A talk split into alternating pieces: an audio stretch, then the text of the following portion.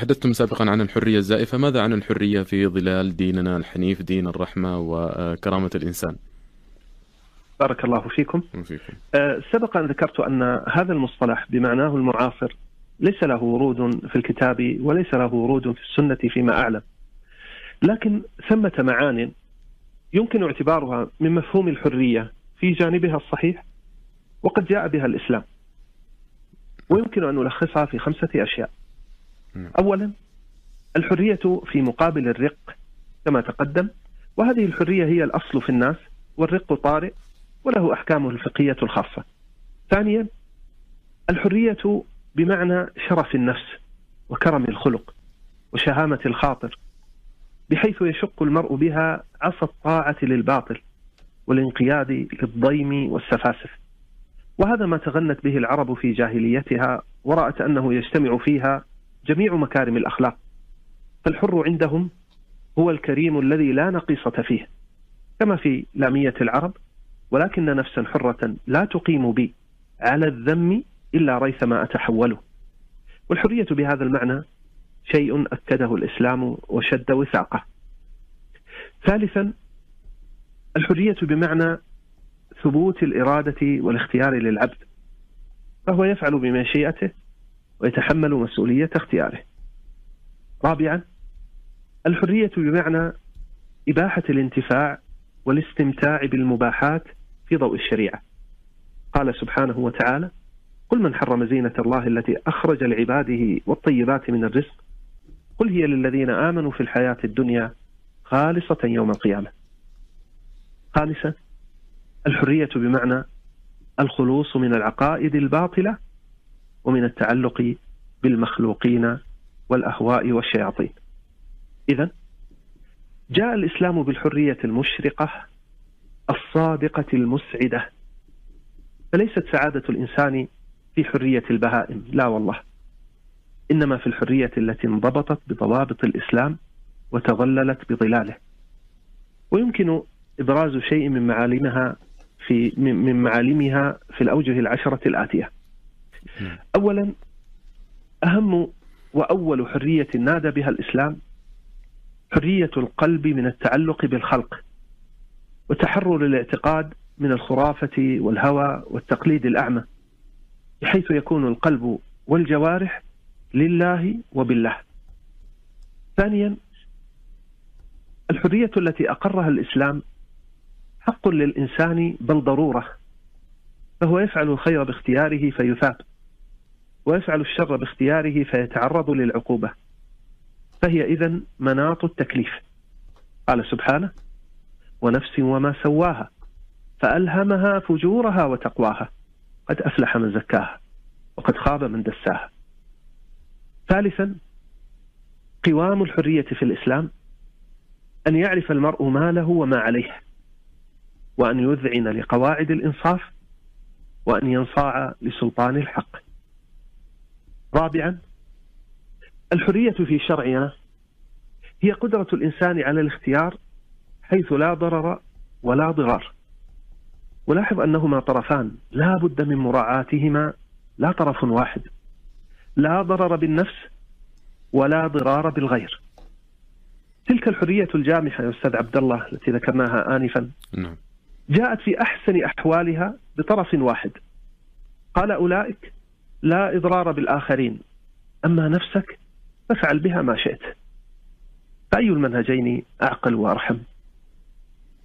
خامسا جاءت شريعتنا بالموازنة بين الحرية والمسؤولية.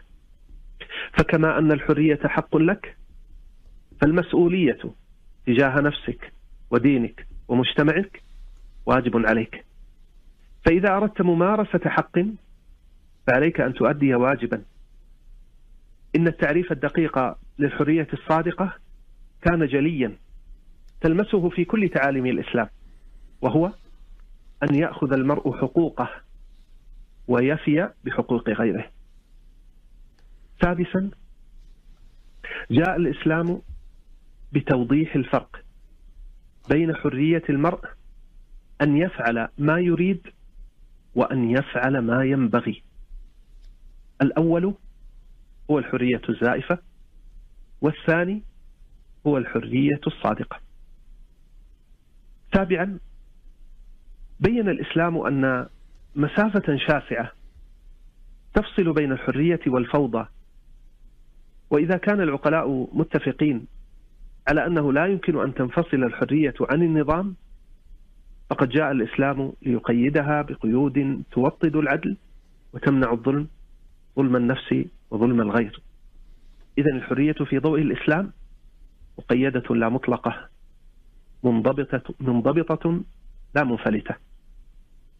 ثامنا جاء الإسلام ليقول إن الحرية ما لم يصحبها عدل فستسقط إلى الحضيض. إن الحرية والأخلاق الزاكية ملزوزان في قرن. لا انفكاك لهما عن بعضهما. إن الوقاحة والحرية متضادتان وليستا مترادفتين وعليه. فمنع من يظلم غيره ليس انتهاكا للحرية. ومنع من ينتهك حرمة المسلمين وأمنهم ليس انتهاكا للحرية. ومنع من ينتهك حرمة الإسلام ليس انتهاكا للحرية. والنصيحة والأمر بالمعروف والنهي عن المنكر بالمنهج الشرعي ليس انتهاكا للحرية. تاسعا أحكام الإسلام تنادي بالمسلم أنت حر في قولك في تفكيرك في كسبك. ما لم تؤدي حريتك إلى معارضة الدين أو تهديد سلامة المجتمع وتقويض أركانه أو تفويت حق أهم وما لم تؤدي إلى إضرار بالنفس أو بالآخرين. أنت حر. ما لم تتعد حدود الله وما لم تتبع هواك وما لم تظلم الآخرين أو تعتدي على حقوقهم. عاشرا وأخيرا. نعم. المستفاد من أحكام الإسلام وأدلته أن الحرية واقع لا غاية. وهذه نقطة أود أن أوضحها. نعم. الحرية في الإسلام واقع لا غاية. من امتثل تعاليم الإسلام فسيكون حرا وسيتمتع بالحرية الحقة وسيستروح شذاها. لكن هذا شيء والغاية شيء آخر. الغاية تحقيق العبودية لله سبحانه وتعالى. هذه هي الغاية في وجودك هي الغاية من وجودك في هذه الحياة. وهي التي ينبغي يا أيها المسلم أن يكون تحصيلها شغلك الشاغل في هذه الدنيا. وبقدر تحقيقك لها سيكون نصيبك من الحرية. كم هو مؤسف أن مسلمة أو مسلما يقال له على سبيل النصيحة افعل الواجب واترك المحرم فيرد ببرود أنا حر. ما أسخف هذه الكلمة في هذا المقام؟ من قال لك أنك حر حرية الانفلات من قال لك إن الحرية تعني تعدي حدود الله؟ من أعطاك الحق أن تجعل الحرية سلاحا تشهره في أوجه الناصحين؟ أنت عبد لله ملزم بطاعته ولا يسعك الخروج عن هذا. ويا لله العجب كيف يسمح كيف يسمح مسلم لنفسه أن يقول هذا؟ وهو يعتقد أنه ينتظره غدا حساب وجزاء. والله المستعان. الخلاصة؟ نعم. الحرية يا أستاذ عبد الله في العبودية. الحرية في العبودية لا في غيرها. هكذا يقول الإسلام. نعم. يعني نريد أن نختم ببعض الأشياء التي توهمها بعض الناس مثلا أن بعض الأدلة الشرعية تشهد لبعض مفاهيم الحرية الخاطئة مثل قول الله سبحانه وتعالى البعض يستدل مثلا بهذه الآية فمن شاء فليؤمن ومن شاء فليكفر. أو قول الله تعالى لا إكراه في الدين. أو قوله تعالى لكم دينكم ولي دين. يعني البعض مثلا يقول أن هذا دليل على أن للإنسان الحرية في أن يعتنق ما يشاء من المذاهب والأديان ونحو ذلك. فلو توجهون إلى الفهم الصحيح لهذه الآيات شيخ صالح. أه، المشكلة يا أستاذ عبد الله هنا من جهتين وليست من جهة واحدة. نعم. مشكلة في الكلام نفسه في الرأي نفسه ومشكلة في الاستدلال وفي التقول على كتاب الله عز وجل. وهذه والله مصيبة وإني أه، أقدم نصيحة لنفسي ولإخواني. حذاري من أن تنسب رأيا إلى الكتاب والسنة وأنت لم تتيقن أن هذا هو مراد الله أو مراد رسوله صلى الله عليه وسلم. الله جل وعلا يقول ألم يؤخذ عليهم ميثاق الكتاب ألا يقولوا على الله إلا الحق؟ و و ومن أعظم المنكرات التي بينها الله سبحانه وتعالى في كتابه قال وأن تقولوا على الله ما لا تعلمون. الخوض في آيات الله سبحانه وتعالى وحملها على غير محملها جرم عظيم. على المسلم أن يكون ورعا حذرا من ذلك. قبل أن تستدل بآية أو تظن أنها تدل على شيء ما اسأل وابحث حتى تصل إلى الصواب. الأمر كما تفضلتم يا أستاذ عبد الله نعم. من الناس من يزعم أن حرية الإنسان مكفولة له بحيث أنه مخير يعني يعتقد ما يشاء أن يتدون أن يتدين بما يحلو له أن يدخل في الدين الذي يريد ويأخذ منه ما يريد وأن يترك الدين الذي يريد. لا فرق في هذا بين الدين الإسلامي وغيره من الأديان الباطلة. وهؤلاء نسبوا هذه الحرية الباطلة مع الأسف إلى الإسلام وتشبثوا ببعض ما لم يفهموا وجهه من أدلة الشرع. وإذا تأملت في كلام هؤلاء وجدت أن مشكلة كثير منهم أنهم منهزمون نفسيا. ولذا؟ فهم يحاكمون الإسلام إلى الفكر الغربي ويطالبونه أن يذوب فيه. وأن لا تكون للمسلمين هوية وأن تختفي معالم دينهم ومميزاته. يريدون الإسلام مرآة عاكسة لغيره فحسب. ووظيفة المسلمين أن يزينوا الإسلام في أعين أهل الغرب والشرق ولو على حساب تعدي حدوده وتحريف مفاهيمه. لقد أخطأ هؤلاء خطأ كبيرا فالإسلام هو الدين الحق المنزل من عند الله المستعلي على غيره. له مقاصده وحكمه وأحكامه. وليس مطالبا بموافقة غيره من الأديان أو أوضاع المجتمعات. فمن آمن بأحكامه كلها فإنه سيسعد في الدنيا والآخرة. ومن كفر به فلن يضر إلا نفسه ولن يضر الإسلام شيئا. ولا يحزنك الذين يسارعون في الكفر. إنهم لن يضروا الله شيئا. يريد الله ألا يجعل لهم حظا في الآخرة ولهم عذاب عظيم. لا شك أن من عرف دين الإسلام حق معرفته لا يجزم أن هذه الحرية المزعومة من أوضح الإفك وأعظم الضلال. فإن أدلة الشرع كلها وإجماع المسلمين قاطبة. قد قام على أن الدين الحق الذي لا يقبل الله من أحد سواه بعد البعثة المحمدية ودين الإسلام. ومن يبتغي غير الإسلام دينا فلن يقبل منه وهو في الآخرة من الخاسرين. إن الدين عند الله الإسلام. ليس للمرء الخيار في الدخول في الإسلام أو الإعراض عنه أو الخروج منه بل هو ملزم بالتزامه ومتوعد بالخلود في النار إن أعرض عنه. ومن لم يؤمن بالله ورسوله فإنا أعتدنا للكافرين سعيرا. أما عما تفضلتم به من الاستدلال بقوله سبحانه وتعالى نعم. فمن شاء فليؤمن ومن شاء فليكفر. أقول هذا استدلال خاطئ دون شك. الآية ليست للتخيير بين الإيمان والكفر إنما هي للتهديد والتخويف وهذا أسلوب عربي معلوم. والدليل أنها للتهديد قوله سبحانه عقيبها إنا أعتدنا للظالمين نارا أحاط بهم سرادقها. إذا هي تهديد ووعيد لمن اختار الكفر بعد أن جاءه النذير. كما أن فيها إظهارا لغنى الله سبحانه وتعالى. بمعنى هذا الحق من ربكم فمن آمن فإنكم لا لا تنفعون الله سبحانه وتعالى بإيمانكم. إن آمنتم فإنكم لا تنفعون الله بإيمانكم. وإن كفرتم فإنكم لا تضرونه بكفركم. وعليه فالآية لا تدل على ما يقولون لا من قريب ولا من بعيد. نعم. أما عن قوله سبحانه لا إكراه في الدين. فما أكثر ما يحرف معنى هذه الآية مع الأسف الشديد.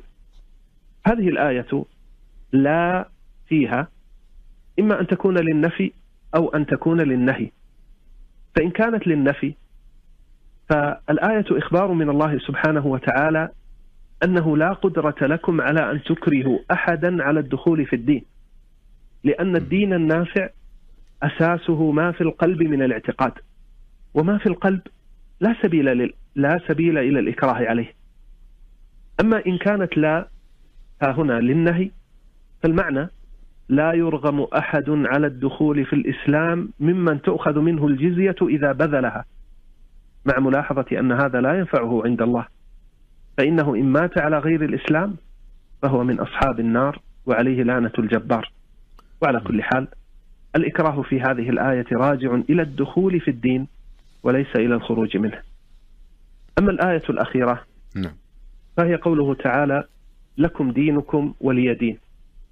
هذه الآية يا أستاذ عبد الله آية براءة لا إقرار. فيها براءة من الكفار ومن دينهم والسورة كلها في هذا المعنى وليست في إقرار هؤلاء على دينهم. فقد سماهم الله عز وجل اولا بالكافرين. قل يا أيها الكافرون ثم أعلن البراءة منهم ومن دينهم. كأنه قال لا أعبد ما تعبدون لأنها عبادة باطلة.